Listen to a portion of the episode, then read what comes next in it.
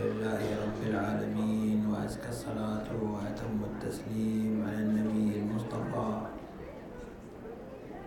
الصادق البار الأمين حبيب الله العالمين نجيبه وصفيه وخيرته من خلقه أبي القاسم محمد.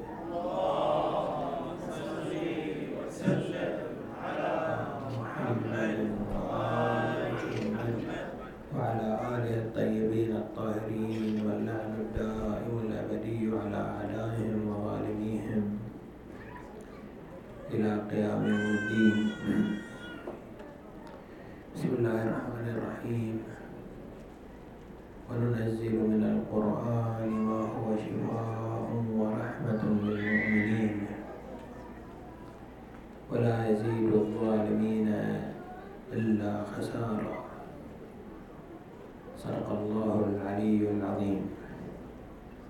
شهر رمضان شهر الخيرات والبركات. مصدر هذا العلو والبركة في رمضان هو ارتباطه بالقرآن الكريم إنا أنزلناه في ليلة القدر. وسر رمضان هو في ليلة القدر. وسر ليلة القدر هو في كتاب الله عز وجل. ونحن نلاحظ أن المؤمنين في هذا الشهر يكون لهم علاقة وثيقة بالقرآن الكريم. الإنسان يحب أن يقرأ القرآن الكريم في سائر السنة في سائر الأيام في سائر لكن في شهر رمضان تصبح هناك جاذبية للقرآن الكريم. الآن صحيح الثواب الأجر مضاعف في شهر رمضان. صحيح. آية في ليالي وأيام شهر رمضان تقرأها من كتاب الله تعدل ختمة في غيره من الشهور هذه الحقيقة التي كشفها المصطفى صلى الله عليه وآله. يجب أن يتوقف عندها. كيف أن قراءة آية من كتاب الله لها بركة قراءة الختمة القرآنية الكاملة؟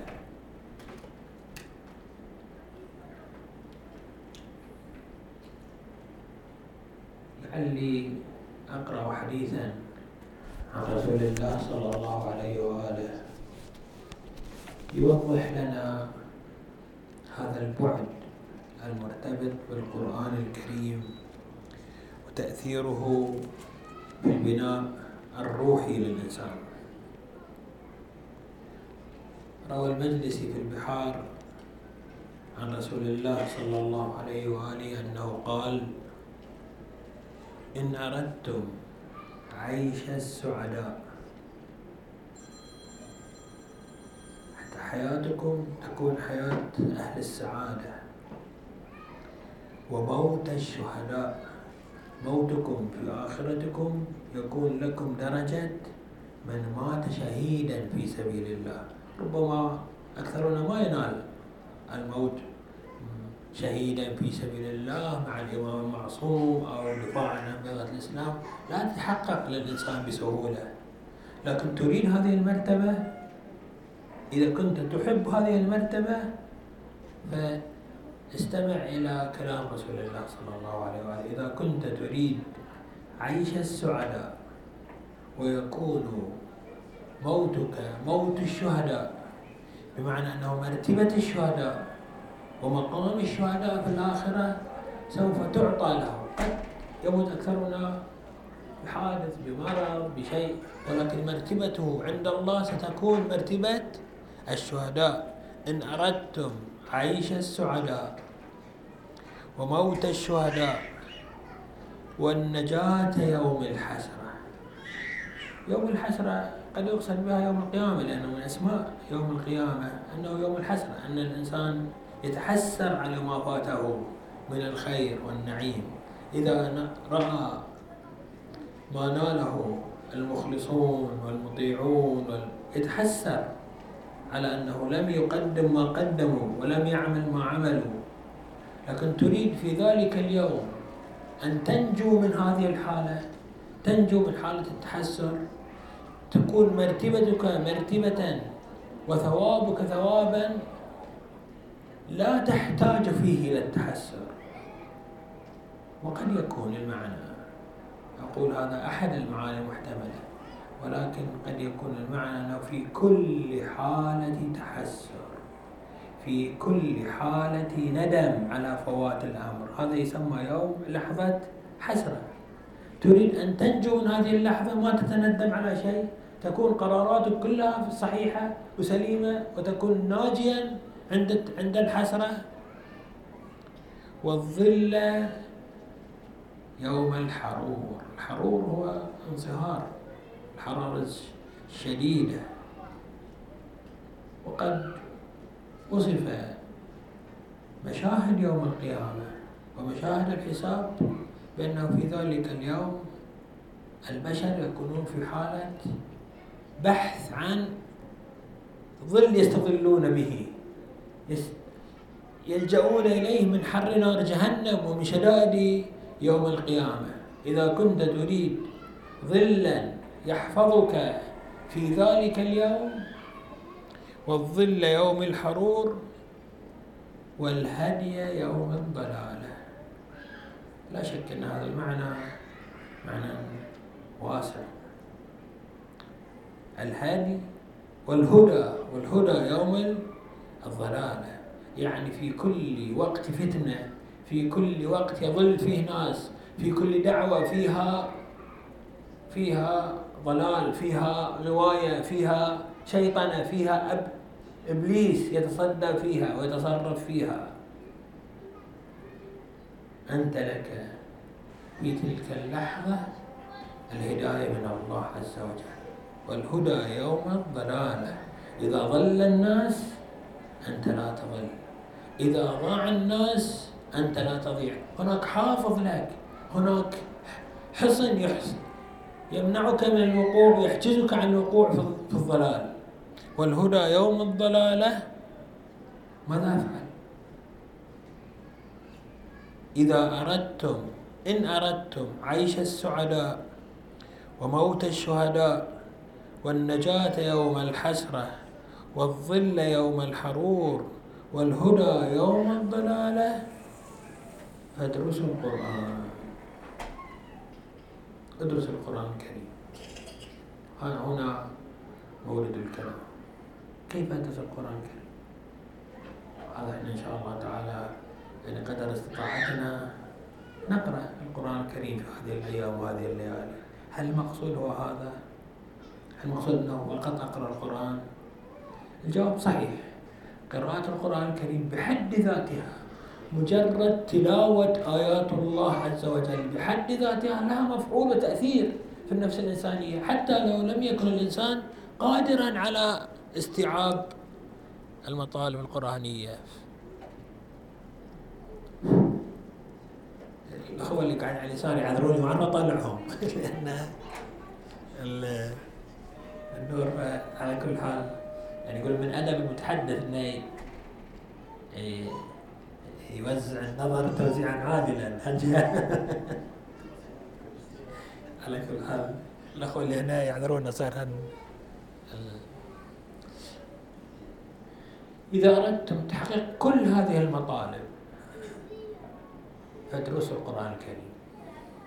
قراءة القرآن الكريم هي المرحلة الأولى. التلاوة هي المرحلة الأولى التي تحقق بها دراسة القرآن الكريم. ولكن لا يجب أن نقف عندها. ما يجب أن إحنا والله نقول قريت القرآن ختمت القرآن قرأت جزءا من القرآن اليوم قرأت كذا صفحة ختمت القرآن الكريم في شهر رمضان خمس مرات مرتين أربع مرات. هذا أساسي وضروري ولكنه هو المرتبة والمنطلق. الأساس هو المرتبة الأساسية والمرتبة الأولى.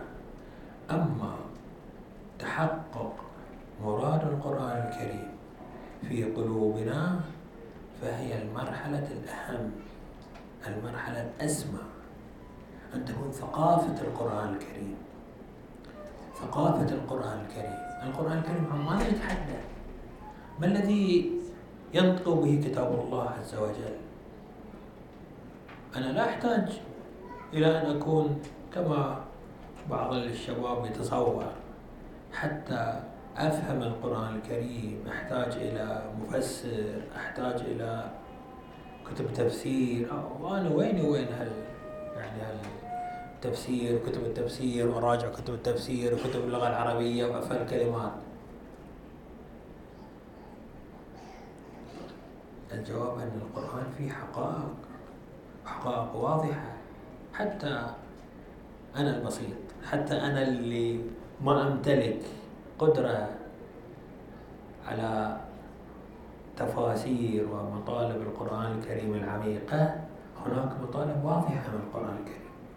القرآن الكريم يطلق في نفس الإنسان حضارة مختلفة عن هذه الحضارة الرائجة. حياة مختلفة عن هذه الحياة الرائجة. ثقافة مختلفة عن هذه الثقافة الرائجة. الدنيا الدنيا تزرع في قلبك حبا وشغفا بشؤونها حبا وشغفا بأحوالها حبا وشغفا بملذاتها. هذا شيء يتلمسه الإنسان حية واقعية حي حية واقعا. كلما ازداد الإنسان ارتباطا بالدنيا كلما ازدادت الدنيا التواء على فكره التواء على قلبه التواء على القرآن الكريم هو الذي ينقلنا من هذا الغيهب من هذا البئر. عليكم السلام ورحمة الله. إلى رحاب الله عز وجل. إلى رحاب الآخرة.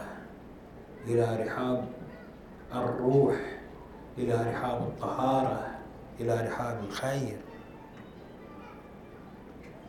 صحيح؟ حتى وإن كنا كما ذكرت لا نمتلك العمق الفكري والمعرفي بمطالب القرآن الكريم إلا أن مرتكزات القرآن الكريم. إذا نحن استوعبناها وانطلقنا في حياتنا بأهداف القرآن الكريم بتوجيهات القرآن الكريم بالاتكال على من أمرنا القرآن الكريم بالاتكال عليه بالوثوق على من أمرنا القرآن الكريم بالوثوق به بالسعي لما أمرنا القرآن الكريم للسعي به. سوف نكون قد اجتزنا عالم الحضارة الفاسدة إلى عالم الحضارة القرآنية المنجية إلى عالم نكون فيه حياتنا بالله عز وجل. وإلى الله عز وجل وفي الله عز وجل يكون عالم الآخرة والحساب وعالم الوقوف بين يدي الله حيا في قلوبنا فاعلا في عواطفنا وفي مشاعرنا. نرجو الله عز وجل بحق هذه الليالي بحق هذه الساعات التي بارك الله عز وجل فيها. بحق كتاب الله عز وجل وبحق أولياء الله بجاه المصطفى صلى الله عليه وآله وبجاه آل بيته الأطهار أن يجعل هدى القرآن الكريم هدى لنا وسبيل القرآن الكريم سبيلا لنا وأن تكون حياتنا مرتبطة بكتاب الله. وأن يفرج عنا عن إخواننا المؤمنين وعن المحتاجين والمرضى وأصحاب الحاجات وأصحاب الكربات والفرج القريب العاجل وأن يعجل في ظهور مولانا وسيدنا صاحب العصر والزمان وأن يطرح في قلوبنا وقلوبكم بركة كتاب الله وآثار الإيمان بنعمة الله عز وجل. والحمد لله رب العالمين وصلى الله على محمد وآله الطيبين الطاهرين.